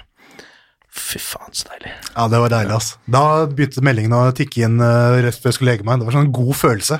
Som flere, uh, masse sånn United og rødt og svart og hvitt uh, meldinger. Og sånn, mm, vi er der, god natt. jeg så hele sendinga, for å si det sånn. Jeg slukka av med en gang uh, da. Nei. I forhold til TV2-sendinga. da. Ja. Eh, Så jeg fikk med meg liksom alt etterpå-pratet, for det var så Kan de si hva de ville, jeg skulle bare sitte og kose meg. Ja, det var altså så bra. Deilig. Tror jeg første gang jeg har sett studio etter kamp på en måned. Jeg sitter alltid med den er klar når det er det der, jeg gjør det på starten, sitter jeg klar med Chromecast og trykker koble fra. Jeg orker jo ikke se på det. Nei, nei, nei. Nei, Det har jo ikke vært så mye grunn til å liksom, sitte og vente på intervju med kapteinen for motstanderlaget. på en måte. Når, Men åssen er det vi ligger an på tabellen nå, etter kampen? det er en, eh, oppe på en sjetteplass eh, per akkurat nå. Um, og så får vi jo se hvordan det blir etter eh, matchen mot City, men um, Ja, og matchen i kveld. Vi kan jo gå ned til sjuende ja, eh, hvis de går litt feil ja, i dag. ja, er det Ja. Arsenal som kan ta det igjen? Det er det Det er et av de lagene som- Ja, Sheffield eller Sheffield Arsenal som ligger rett under. Som, United, det er ja, ja. som det er. Lord Lundstrøm skal Ja, de jo ta Det er de som er farlige nå. Um, men eh, altså, det sier jo alt om viktigheten av denne seieren. Ikke bare at det var liksom det der symbolske med at det er José Mourinho, den gamle som man ga sparken, og den nye som tar han, og at det er unggutta og alt dette, men rent sånn bare bokstavelig med at nå har de heng igjen på de europaplassene, da. Mm. hva, hva, tenker, hva tror du, Dag? Er du liksom, eh, har, hva er liksom dine krav til en- en ålreit sesong? Eh, Ta, finner du, er det litt sånn at du tar det match for match, eller? eh? Nei, altså Mine krav til en ålreit sesong er at vi fortsetter nå på det løpet som er lagt, og at det selvfølgelig ikke kollapser resultatmessig. Mm. Eh, Jeg klarer ikke å henge meg så mye opp i tabellplasseringen. Jeg ønsker på en måte utvikling. Jeg håper at vi får litt færre skader. Eh, Men vi har jo nå bare Det har vært veldig mye prat om Ole Gunnar Solskjær, da, og hvor nære han skulle være for sparken hvis vi tapte to kamper nå, og litt sånne ting, så jeg blir sånn jeg er så glad på hans vegne da, at, eh, og Uniteds vegne at vi klarer å slå tilbake. Eh, jobben hans er jo da, i den grad noen må ha trodd at den er usikker, så er, er den ikke usikker. Han overlever et tap mot Manchester City. Han overlever antageligvis også et tap mot Everton, så det er liksom ikke, vi er ikke der, da, som veldig mange tror. Men for meg så handler det bare om at vi må holdt stå i det, da. Vi må gå den veien her sånn. Jeg, også, vi snakker akkurat nå, vi har snakka positivt om Brandon Williams i det showet her. Vi har, eller er lov til å si show? Pod? Pod, show? Ja, pod er bra. Ja. Eh, Vi har snakka om han, vi har snakka om Mason Greenwood. eh, vi har snakka om å tenke på dette her, hvis vi får tre-fire nye mann inn, da, så veit vi at det er mye som ikke er bra, og det har vært ræva bare for en uke siden, og ikke minst for to uker siden, ikke sant. Men la oss tørre å stå i det, da. Bygge kultur. Vi sitter og hyller Scott McTominay, som står for nøyaktig det vi egentlig tror på, da. Og jeg er jammen meg ikke sikker på om jo, Kanskje Scott McTominay det er, ikke, det er ikke alle disse gutta som har fått sjansen, som ville fått sjansen hvis ikke det hadde vært at vi gjorde de valgene vi gjorde i sommer, da. Selv om vi har vært tynne, og er tynne, og ikke tåler skader så bra, sånn, så er det, jeg er mer og mer opptatt av det, da. Eh, At vi på en måte tør å stole på den planen som er lagt, og jeg hadde blitt så sur og gretten hvis det hadde vært, plutselig hadde skjedd noe at vi hadde tapt tre kamper der, eller sånt, så hadde de plutselig henta inn Pochettino. Og jeg er veldig glad i Pochettino, men jeg er bare sånn er det, er det så mye motgang vi tåler før vi liksom skal kaste en plan bare over kanten, da? Jeg, jeg hater det, den tankesettet, for da vil jeg miste all tro, altså i den grad man har noe tro igjen på Glazers og Woodward. Hvis vi ikke tør å stå i dette her mer enn at Og vi, vi har ett tap på sju kamper nå i ligaen! Ja. Og det, det tapet var jo da mot Bournemouth, som kom på toppslutten av fire bortekamper på ti dager, liksom. Vi var reist hele verden rundt, holdt på å si. Så, er det sånn, så har det ikke vært bra, men det er ett tap på sju, og så, skal ikke, så skjønner jeg at tabellplassering er for dårlig, og staten er prestasjonene var for dårlig mot Assen Aston Villa og i flere andre kamper, men vi må tåle litt motgang, da. Mer enn to måneder, og nå har jeg vært snakka på inn- og utpust, så alle, jeg, jeg, jeg, jeg kan også være enig. Det som er litt med United nå, er at vi for første gang ikke har en plan om å vinne ligaen neste år. Vi har jo vært, vi har bytta trenere, Mourinho van Gaal, vi skal bygge et mesterlag nå. Og nå må man bare innse, og øh, være helt ærlig med seg selv, at det er, jeg tror og mener det er fullstendig urealistisk at United kan vinne ligaen de neste to til tre sesongene. For det er så mye som skal skje. Vi må bygge opp et nytt lag, og i tillegg så må de topplagene Altså Det må skje noe i toppen der, fordi altså 99 og 100 poeng er så, Det er så mange poeng Liverpool og City har drevet og tatt de siste årene, at det må jo snu, og United må bygge et nytt lag. Så det at det skulle være sånn å, vi er ikke i toppen nå, vi må være i toppen til neste år, er ikke noe interessant. Det er, Vi må bygge et lag og ha tålmodighet for at de kan bli bedre, få inn nye spillere, vite at det er, godt kan være to-tre somre før dette begynner å være sånn Oi, nå skal vi faktisk være der oppe. Vi skal kjempe om ligatittelen mot altså hvem nå den er som man skal kjempe om det mot om fire år. Om det er Leicester, Arsenal, Chelsea, City eller Liverpool. Eh, eller Crystal Sheffield- Palace. Sheffield United. Sheffield United, ja. God overlappende midtstopper på løp opp der. Henta inn jeg vil si Michael Keane ja, som overlappende midtstopper. Ja. Eller Maguire. Eh, og, og man må bare ha, kunne ha den tålmodigheten og vite at det er ikke nå vi skal være gode. Eh, man, det handler jo om Champions League, og det er viktig pga. penger å få tak i spillere. Men det er ikke viktig at vi spiller bra nok til å vinne ligaen til neste år. For det er ikke egentlig realistisk. Det er like realistisk som at Leicester vant ligaen i 2016, og det var ikke realistisk. Men det kan skje. Ja, men det kan skje. Ja. Ja. Og det, og det, handler, bare, det handler jo ikke om Det handler ikke om at vi på en måte aksepterer at United er ræva, det bare handler om å akseptere at eh, det er noe mer enn manageren som er gærent i den fotballklubben her. Det er noe som sitter dypere inn i veggene, da, har skjedd etter Sir Alex. Og da tar det litt tid å komme tilbake. Og så veit jeg at folk sier ja, men se på Frank Lampard og Chelsea. Ja, det var ikke så jævlig bra ut med Ole Gunnar Solskjær i tre måneder også, så får vi se hvordan det går med Chelsea og Frank Lampard. Kanskje det bare han viser seg som verdens beste manager, de går til topps. Eller Brennan Rogers og Leicester, da. Det bare går rett til topps, de blir ikke noe feilskjær. Men ikke noe vil overraske meg mer enn om plutselig så kommer det en måned hvor de også begynner å slite, da, for det plutselig så får de en skade, eller får to skader. Eh, så er det liksom sånn i fjor så satt jeg liksom folk og bare Fy faen, vi burde hatt Unai Emery og alt sånne ting, ikke sant? For da hadde han, han, han hadde 20 kamper uten tap der, sånn. Så folk er så veldig sånn der til å se liksom Ja, se så jævlig bra de er, da! Altså, Hvorfor kan ikke vi få det til sånn? Men det er et eller annet når vi har prøvd alle de tingene vi har gjort. Og så hvis, Jeg skjønner ikke at folk ikke helt Altså, de som er kritiske, at ikke de anerkjenner mer at At de, at de ikke ser at det er mer ting enn manageren, da. Og vi kan, så kan det godt hende at vi kunne kasta manageren, vi. Syv måneders kontrakt til Dag Langere. Du har sju måneder på deg å fikse det. Hvis ikke det, så henter vi bare en ny en. Og så treffer vi, da, fordi vi henter de fem beste managerne i verden som er tilgjengelige over fem år. Ja, fordi vi nærmer oss nå liksom til år null. Det er liksom der United begynner å nærme seg. til at liksom, vi, vi nærmer oss restart-knappen. Nå har jo Solskjær gjort den der store jobben med å få ut uh, mye forskjellig. Kanskje vi skal få tilbake marksmåling, jeg vet ikke. Men, uh, men det, er, det, er, det, er, noe med det. Rensinga har uh, startet, ikke sant. Og til slutt så må vi komme oss ned til bånn før vi kan jobbe oss oppover igjen. Og det er jo de åra etter Ferguson det jo, har vært stort sett et lappeteppe fordi vi har jagd trofeer. For det er det klubbene gjør. Ordner trofeer, vi vinner, liksom. Men uh, som flere har vært innpå her, altså, vi trapper ned her nå for å kunne bygge oss opp igjen. Mm. Uh, og jeg har liksom kommet til enighet med meg selv, fordi jeg har vært veldig frustrert over Solskjær til tider. Uh, de, de disponeringene han har gjort på, på lag, da han tok ut Martial og uh, seieren glapp, uh, senest par kamper siden. Men nå er jeg sånn herre, Det er greit. Nå lar vi deg bygge, nå lar vi deg brygge, og så, og så kan vi gjøre opp om et par år. Ja. Vi er nå Rocky på starten av toeren eller treeren. Ja. Han har vært god. Vi skal drikke rått egg ja. nå, liksom. Ja. vi skal. Og vi skal ikke rett i ringen nå mot Apollo. Nei. Vi må trene nå, for hvis vi nå skal rett i ringen igjen, da blir vi slått ned med en gang. Mm. Så nå må vi ta den tiden, bygge opp, og så kan det gå om noen år. Ut og slå på noen, uh, noen grisekadaver, ja. uh, løpe, løpe, noen trapper ja. Ja, uh, og stå på toppen og juble til slutt. Mm. og det er ikke bare pga. at vi slo Tottenham 2-1 jeg sitter og sier det. Altså, jeg mener, jeg, for meg så er det sånn grunn, grunnleggende greie da, på at vi må stå i det nå. vi må tørre å stole på at vi har tatt valgt en vei. og så tenk, altså, Hvis vi velger en ny vei nå, da jeg, sånn, jeg skjønner ikke hvordan skal vi klare å tro på det da? Mm. Nei, men, det, men, for at det i det hele tatt skal kunne være realistisk at vi skal kunne gå den veien som du snakker om, Dag, så må det jo komme en kamp som dette, i hvert fall hver tredje-fjerde kamp. Det må være noen drypp. Ja. Det må være noen drypp av dette, ja. så vi ser at dette går litt framover. Jeg føler at det er litt derfor eh, vi kanskje er litt vel entusiastiske etter denne kampen også, fordi der så man plutselig Um, hva som lå i det laget, og det har vi ikke sett så mye.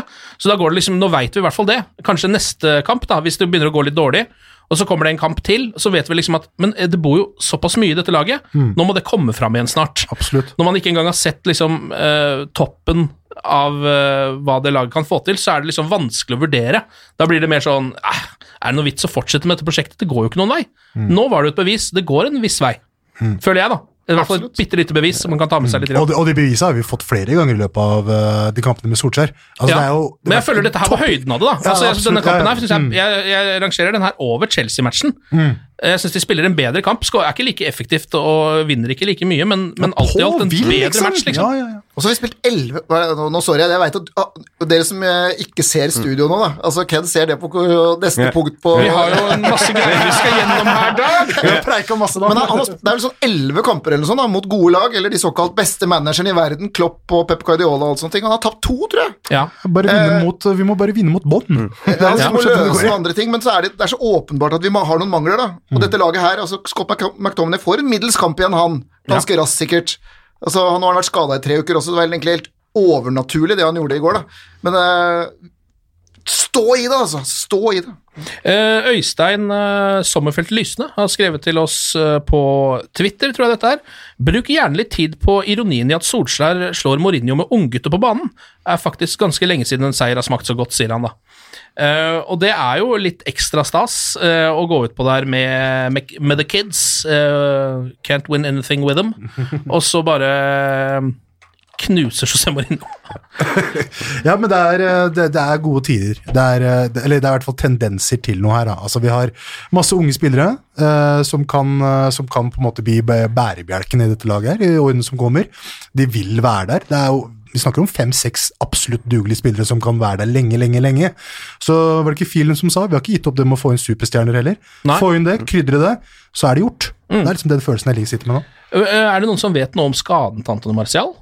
Um, er det noen som vet hvor lenge han er ute? Eller Snakker du om kroppsholdninga hans, eller er det noe Verken ansiktsmimikk eller kroppsholdning. altså På pressekonferansen etter kampen i går så sa vel Solskjær, når han ble spurt om det, at hvor langt er et drep? Eller et eller annet. Altså, ja. det, er, det, er, vanskelig å si, da. Ja. Uh, han hadde ikke noe godt svar, så han prøvde å være halvmorsom. Ja. Midten i januar, da, høres det ut som. Vi gjør jo det. Når alt er lagt seg. Fordi man begynner jo å sikle når man eh, tenker på den Taper kampen. bort mot Wolverhampton i FA-cupen, og så er Martial tilbake rett etterpå. Ja, for Man begynner jo liksom å sikle når man så den kampen i går og tenker sånn Oi, men eh, hva med Martial inn der for Greenwood, da? Som jo er en enda liksom mer proven uh, spiller. Da begynner vi jo, kan vi jo begynne å snakke, selv om han har jo fått sine forsøk der. Ehm, hva med Paul Pogba, da? Når er det han skal begynne å spille Hva fotball? skjer med Paul? Fortell, Dag, hva er det som skjer med Paul Pogba? Hva er det han driver med nå? Jeg har ikke undersøkt noe med mine folk. Vet, vet du noe? Ikke noe eh, mer enn at han ikke spiller. Ja, for det var jo eh, eh, Altså, han skulle vel være tilbake i desember, var vel det som liksom var en slags rapport. Han Det, trener på gress. han trener på gress, ja. Ok, ja. Så han er i hvert fall på trening. Trente på gress. eh, det var vel på pressekonferansen etter Aston Villa. Nå går jeg går litt, litt sur i disse pressekonferansene, men eh, trente på gress, så han vil i så fall ha én uke på gress, men når man trener med laget og sånn, det er én uke på gress før City. Men eh, akkurat nå så tenker jeg at uh, Altså, han er jævlig god på sitt beste. Det er, altså, ingen skal ta i tvil på det. De to første månedene med Pogba Solskjær sammen i fjor, det var jo altså. Det det beste en enkeltspiller har sett på lang, lang, lang, lang, lang tid. Så hvis du klarer å få han tilbake på det når han kommer tilbake, helt topp, men for meg så er det, tenker jeg jeg tåler at vi spiller med bortimot den samme gjengen mot City som spilte i går også, så hvis han trenger en, trenger en uke til, Ja. så er det vel Colchester og Everton og Watford liksom i Det er sånn, da, og da er det jo kanskje bedre kamper å gjøre comeback i hvis du skal på en måte komme inn og få litt mer tid på ballen og litt sånne ting. Var det Colchester som slo ut Spurs? Jeg vet ikke. Jeg mener det var det. Jeg lurer på om det var det. Eh, Kristoffer Egeland skriver her er det selvsagt at Pogba skal inn sentralt eh, når han da eventuelt kommer tilbake, eh, nå som Fred og Scott finner tonen. Hva med å spille ham i tieren? I tierrollen? Ja, Dag er jo Fred. Jeg, jeg, tenker, jeg veit ikke om han er en god nok presspiller Nei. i den rollen der.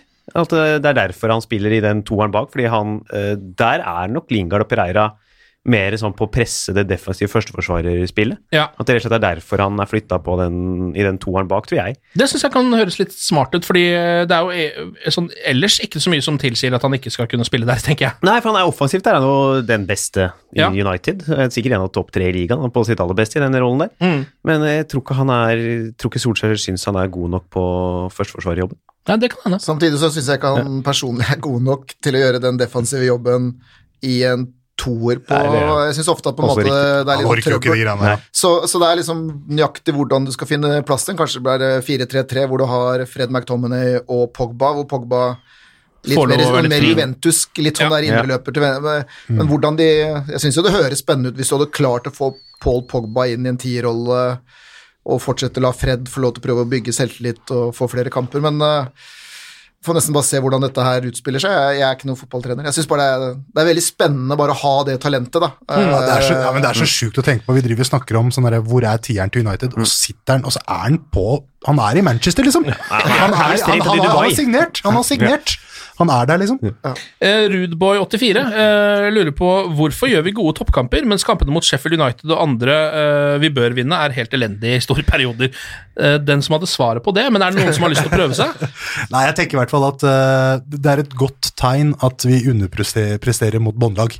Det syns jeg er et godt tegn, faktisk. fordi når, når vi klarer å gjøre det mot, uh, vinne mot de store, så handler det om å bare få ratta litt om eh, når man møter eh, svakere motstand. Så det er sikkert noe mental trening her, da, Ja. for den saks skyld. Men uh, jeg tror det ligger mye i hodet. Ass. Uh, igjen, vi har snakka en del om det i dag, men, men det er det med at en gjeng med mye begava fotballspillere som kan definitivt uh, spille fotball. Uh, så det, b- ja, det er noe med kontinuitet. For jeg, ja, jeg har uh, selv tenkt at det er fordi at United er et godt kontringslag, og at de dårlige lagene ofte ligger bakpå, og United må liksom presse og styre spillet som de ikke er like gode på. Men så så vi jo mot Tottenham nå at de kan jo det å styre en hel match også, så det er jo ikke sikkert det ligger der heller. Jeg syns da, hva skal jeg si, at det er Hvis det blir sånn trener...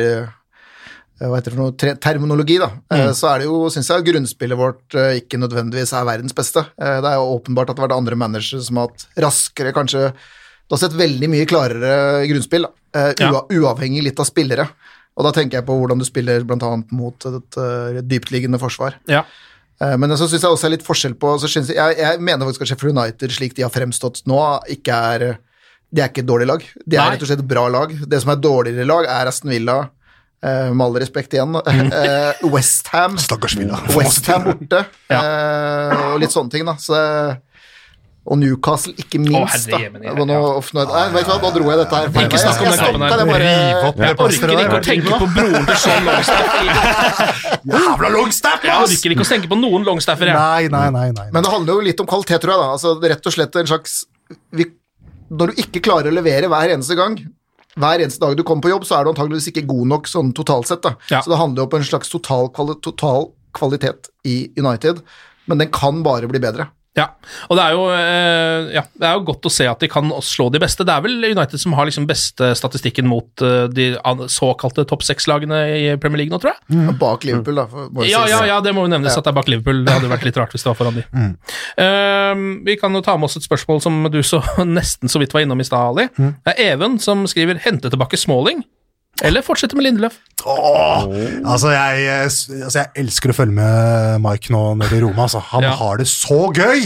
Og han smiler så bredt og er så aktiv og er så med. Han har bare fått en ny vår. Bare, det, er, det er den Smalling jeg ble glad i, i for sånn Hvor lenge siden han starta klubben? Ti år siden? Tolv år siden? Eller noe? Ja. Da var han jo liksom den spilleren vi ser nå i Serie A. Ja. Så Nå har han jo blitt målfarlig også, begynt å levere noen assists også. to, to mål og assist og alt mulig. Ett mål og to assist. Var, var, Ja, noe. det var helt vilt. Eh, nei, det hadde vært gøy å få den tilbake, men uh, Tuan Sebe, da? Skal ikke han inn, da? Jo. Det var det vi, jeg skulle akkurat til å si det, at vi har, Nå har vi snakka ganske mye om Tuan Sebe, så hvis vi skal, også skal hente inn Chris Smalling, og så snakker vi om Victor Lindeløf ut, som kanskje i hvert fall er inne blant topp fire på United i går. Vi har vel ikke hatt de poeng fra i går på kampen, da. Nei, fankeren, det var men uh, jeg mener at uh, Lindeløf gjorde en meget god kamp i går, totalt sett. La oss ta de poengene med en gang, for det hadde jeg helt glemt, Dag. Så det var god programledelse av deg. Um, Uniteds tre beste mot Spurs. Her er det bare å hive ut. Det er no nok å McSauce, Ja. Fred og Rashiford. Ja. Ja, ja, men jeg har, Rash, jeg har Rashford på topp, da. At du klarer liksom ikke Ja, komme sånn Jeg ja. klarer ikke å komme ja, ja. Ja, én, to, tre. Altså, han vinner jo den kampen for United, så han må jo nesten få tre poeng. Er det noen som er uenig i det, så Nei. er det lenge til dere blir invitert. Eh, på to poeng, da. Ja, Den gir jeg til Fred. Fred? Jeg er på McTominay på to. Ja.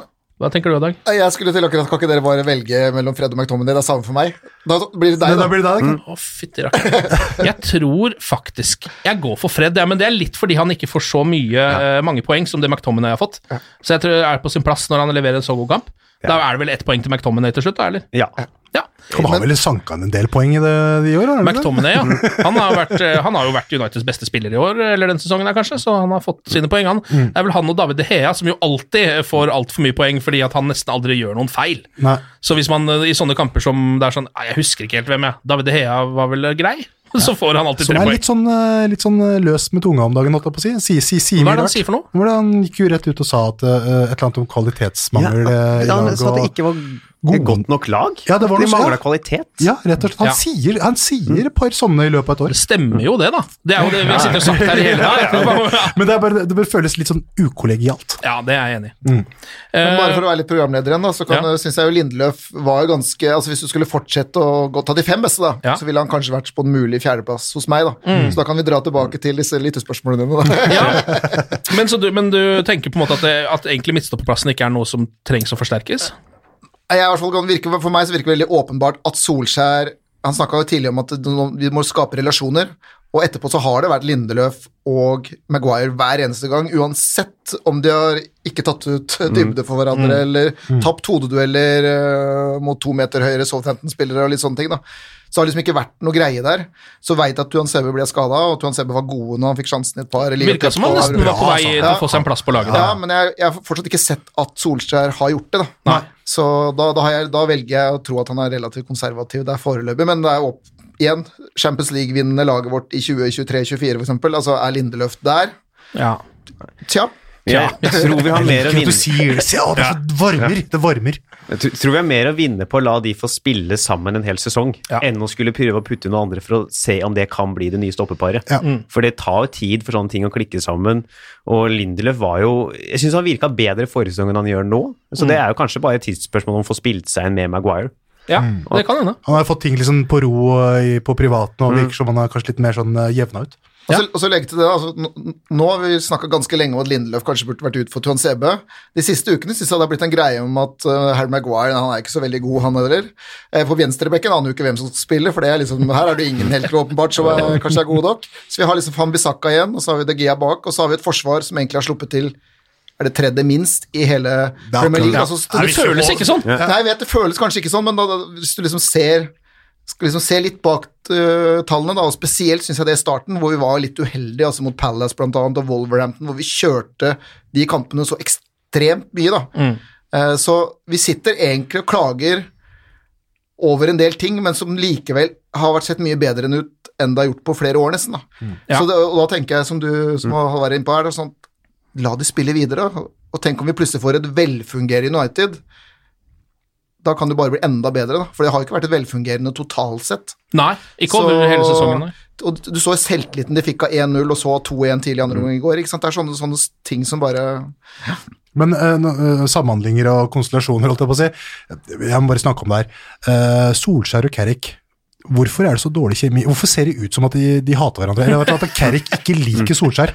Altså, han, han anerkjenner jo ikke Solskjær. Har du ikke sett det? har du noen gang sett Han, han, Carrick anerkjenner ikke Solskjær. Når Solskjær prøver å si noe til ham, så, så, så, tar han hodet på skrått, og så sånn derre Ikke snakk til meg, jeg orker ikke, liksom. Jo, men det, sånn. det, det der er jo utgangsfjeset til Carrick. Altså, han er jo litt sånn som Han er Han sånn. har jo bare ett fjes. Liksom. Han har jo aldri sett fyren verken smile eller være sur. Han har jo bare det samme seriøse fjeset. Ja, kanskje. Det, Hele bare, det, det bare virker så lite, lite givende å sitte ved siden av Michael Carrick. Ja, Om, Han Jeg syns det hadde vært kjempespennende å sitte sammen. Jeg- altså, jeg elsker Carrick og van Persie for de årene av seriegullet, ja, det er ikke det, liksom, men, men, men det er bare et eller annet med kjemien der som ikke er sånn der kjempevarm. ja, ja. Mm. Men husker du tiden da Mourinho satt på den benken? Det var ikke noe Det var ikke bedre da. Nei, mye bedre da. Han kunne vært gøy hvis eh, Solskjær av en eller annen grunn ikke kunne lede en kamp og bare sett Marcial og Carrick som trenerteam på den benken der. Yes! Og hvordan de reagerer på United scorer på overtid. De er sånn Så dere, så dere prematch-intervjuet til Martial før Villakampen? Ja, det var fæl, ass. Det noe- den var fæl, altså. Det er noe av det verste jeg har Oh my god. Snakk om, eh, snakk om forhåndssvar, holdt jeg på å si. Ja, Han han- brydde seg så lite om de greiene her. Det virker som han har eh, skrudd på en chatbot som skal svare på alt. Uh, så det er liksom, han svarer i, i, liksom i to, set, eller to ord Ja. på alle spørsmålene han får.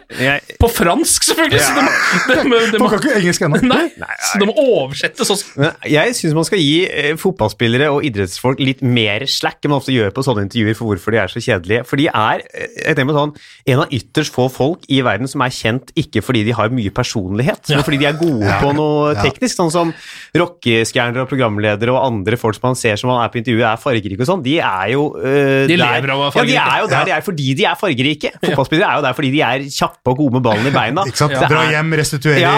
repeat. det er noen liksom- mange av de som ikke har, er noe gode eller glad i sånne ting. At det er derfor, derfor det kan bli mye kjedeligere enn man skulle håpe at det er. Ja, og jeg skjønner jo det, fordi spørsmålene er jo også drita kjedelige, og så kan du bare svare tre forskjellige ting. Fordi de andre ting er det ikke lov å si. Ikke sant? Så jeg skjønner at de intervjuene er noe dritt. Men det var eksepsjonelt Eksepsjonelt hvor F-a det ga i Det det. er så gøy. Men Tenk hvor ille de hadde vært på, et, på andrespråket hans, på engelsk. Hvis det var så lite fargerik på førstespråket.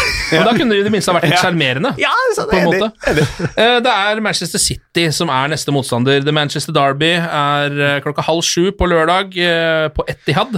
De er jo ikke lenger uovervinnelige, Manchester United. Ja, City skjelver.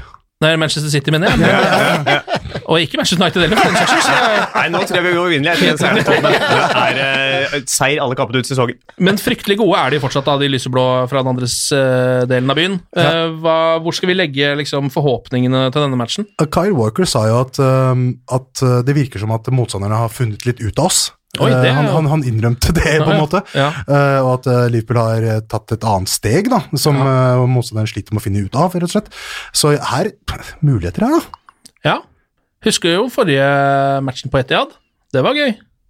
Paul Pogba eh, skåret et par mål, snudde matchen der. eh, Smalling nikka inn 3-2, og United faktisk eh, utsatte seriegullseieren, Ja, ja, ja, ja, ja. eller jubelen til City. Dessverre så tror jeg du er ett år Du er to Ja. for sesonger til, da. Er det to sesonger siden? Hvordan gikk det for forrige sesong, da? Tapte 3-1.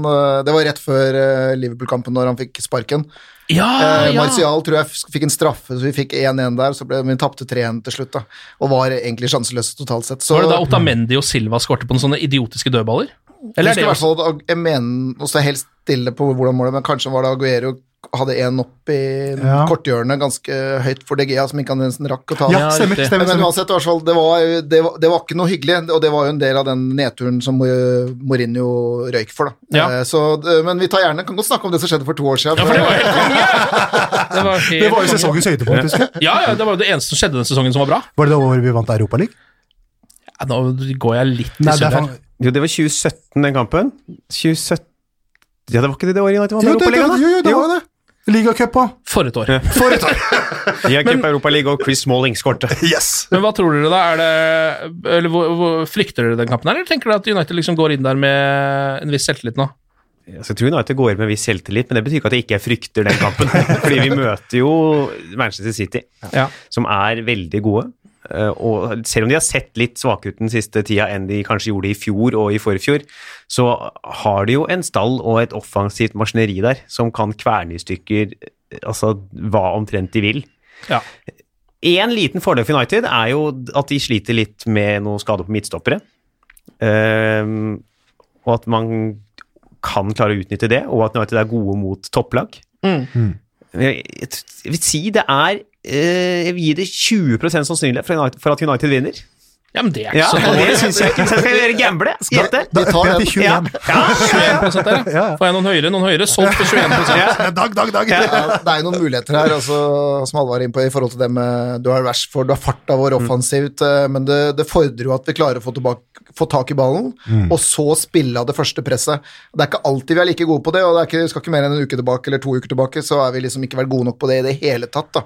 Så selv om McTominay forhåpentligvis er tilbake og er og spiller den også, så så tror jeg nok på en måte, Hvis vi sier at det er noen muligheter, så tror jeg kanskje Manchester City tenker at det er enda flere muligheter. Ja. Eh, så hvis vi, fått, hvis vi hadde fått et poeng der, eller er, i hvert fall viser at du er med i den kampen, så tar jeg på en måte det, da. Jeg, jeg mener at det er to lag som er i en egen klasse, sånn totalt sett, og det er City, det, og dessverre det laget vi det andre laget. Ja. uh, og det får vi bare nesten erkjenne, da. Uh, det er vel så viktig at vi slår Everton, Watford og Colchester i de ukene etterpå. Det er bare å ta ut det brødet på et eller annet vis.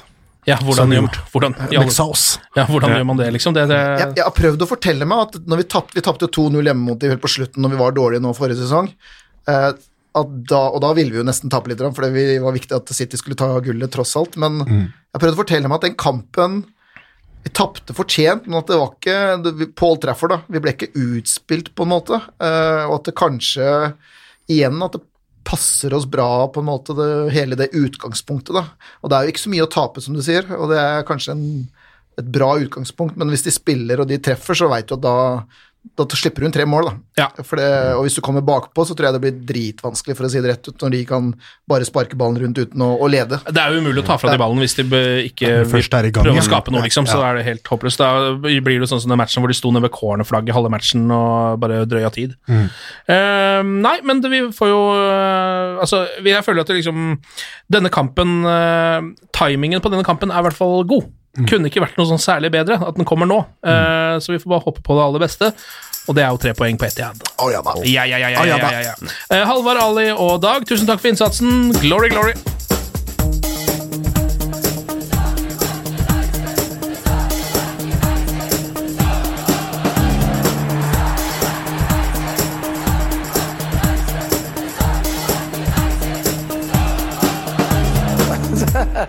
Oh, it's true. I've seen many things. Moderne media. Ukens annonsør det er matkasseleverandøren Hello Fresh. Der kan du velge mellom 25 ulike oppskrifter hver uke, eller få Hello Fresh til å sette sammen en meny for deg. Jeg sparer tid på å handle, oppskriftene er veldig enkle å lage, og så får jeg akkurat det jeg trenger da, til hver eneste rett, så jeg slipper å kaste så mye mat som jeg vanligvis gjør. Det er også litt deilig å faktisk slippe å gå på butikken, ikke bare fordi det er tidkrevende og sånn, men fordi man ender opp med å kjøpe så mye greier som man egentlig ikke trenger, sånn som fire poser eh, Smash og en kick med havsalt, eksempel. Det er ikke det du egentlig er der for, du er der for å kjøpe, kjøpe middag. Så det er en veldig eh, kjekk ting. I tillegg så er det jo eh, ferdigporsjonerte ingredienser, det blir mindre matsvinn, og du betaler bare for det du faktisk trenger, og det du faktisk da spiser. I tillegg så blir det da levert på døra. Eh, til et fastsatt tidspunkt, sånn at du kan få det akkurat når det passer for deg eh, sjæl. Hvis HelloFresh høres ut som noe for deg, så har jeg en rabattkode du kan bruke også. Gå inn på hellofresh.no og bruk koden HelloUnited24. HelloUnited i ett ord, også 24, og få opptil 1779 kroner i rabatt på de fem første matkassene dine hvis du ikke har prøvd HelloFresh ennå. Du kan også bruke koden hvis du tidligere har vært kunde, men har stoppa abonnementet ditt for tolv måneder siden eller mer. Det er ingen bindingstid, og du kan pause eller avslutte abonnementet ditt akkurat når du selv måtte ønske. Husk koden HelloUnited24, og bon appétit! Ukens annonsør er Folio, en smartere banktjeneste for deg som har en egen bedrift eller ønsker å starte for deg selv. Folio er en superenkel nettbank for bedrifter. Som kunde i Folio får du en bedriftskonto med et bedriftskort og app. I denne appen er det smarte løsninger som forenkler regnskapet ditt, uansett om du har en liten bedrift eller et enkeltpersonsforetak. Folio er både intuitivt og brukervennlig, og er laget med et enkelt språk. I tillegg tilbyr de forutsigbare priser og ingen skjulte gebyrer. Skulle du likevel trenge det, så kan du snakke med deres raske og hyggelige kundeservice, og der får du prate med en faktisk person og ikke en chatbot. Folio er med andre ord både enklere og koseligere enn banken. Over 10 000 bedrifter har allerede valgt Folio som sin banktjeneste, så besøk folio.no og se hvordan Folio kan forenkle din hverdag også. Har du et enkeltpersonforetak eller en liten bedrift? Da er du sikkert lei av å høre meg snakke om hvor enkelt det er med kvitteringer og bilag i fiken, så vi eh, gir oss her, vi. Fordi vi liker enkelt. Fiken superenkelt regnskap.